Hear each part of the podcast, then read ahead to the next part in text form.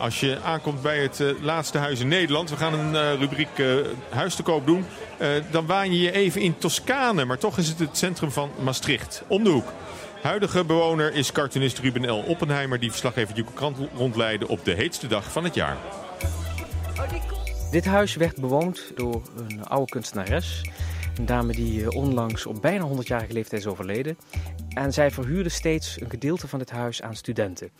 Een van die studenten was een goede vriend van mij. En die vertrok hier en ik kwam terug uit Antwerpen, waar ik een tijdje gestudeerd heb. En ik zocht een woning. En we gingen koffie drinken bij de betreffende dame Akke. En Akke zei, nou, ik heb het huis net weer vrij en ik ga het verhuren. Toen ben ik er meteen ingesprongen. Nou, dat ging fantastisch. We hebben het heel leuk gehad. Ik heb dus acht jaar lang met mijn hospita gewoond. En in 2008 besloot zij ineens van, nou, ik ga weer terug naar de Randstad. Toen was ze de, dik in de tachtig. Toen heb ik uh, alle mijn knopen geteld. In die tijd kon je als freelancer nog uh, een hypotheek krijgen. Mijn god, iedereen kon, de postbode kon een hypotheek krijgen. Um, ik heb hier dus uh, tot in mijn nek heb ik me hier in, in, de schulden gestoken. Ik ben het huis gaan verbouwen. En inmiddels um, woon ik hier dus al 17 jaar. We staan in de tuin. Ik zie een vijver met kooikarpers. Kijk uit over de Limburgse heuvels. Of is dat al België? Dat is België. Een groot huis. Waarom wil je hier weg? Uh, nou, de belangrijkste reden eigenlijk is, uh, mijn vrouw is Spaans. En het is nu godvergeven heet.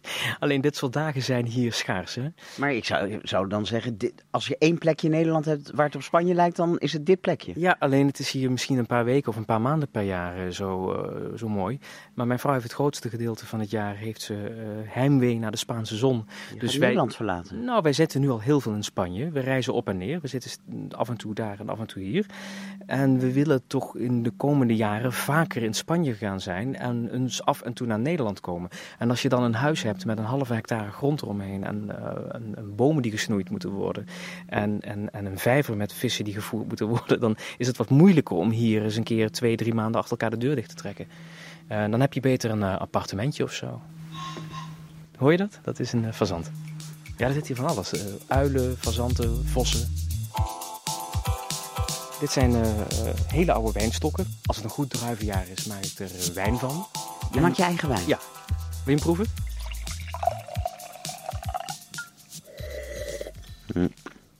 Hij heeft een zuurtje, heeft een maar zuurtje. zeker met dit warme weer.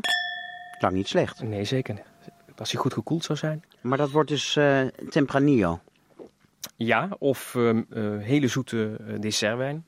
Het lijkt mij fantastisch om straks een aantal flesjes per jaar te kunnen maken van uh, zelf uh, geteelde druiven. Die ik niet hoef aan te zoeten met een kilo suiker. Dat is wel een beetje het probleem hier. Je hebt uh, zelfs in een goed jaar heb je te weinig suiker in de druiven om ze helemaal vanzelf te laten rijpen naar een hoog alcoholpercentage. En een hoog alcoholpercentage is wel waar we voor gaan. Maar dus moeten de nieuwe bewoners hier wel doorgaan met jouw hobby, want anders gaat het uh, verloren. Het zou leuk zijn als de mensen die het hier overnemen uh, evenveel lol hebben in die druiven en er in ieder geval uh, eten.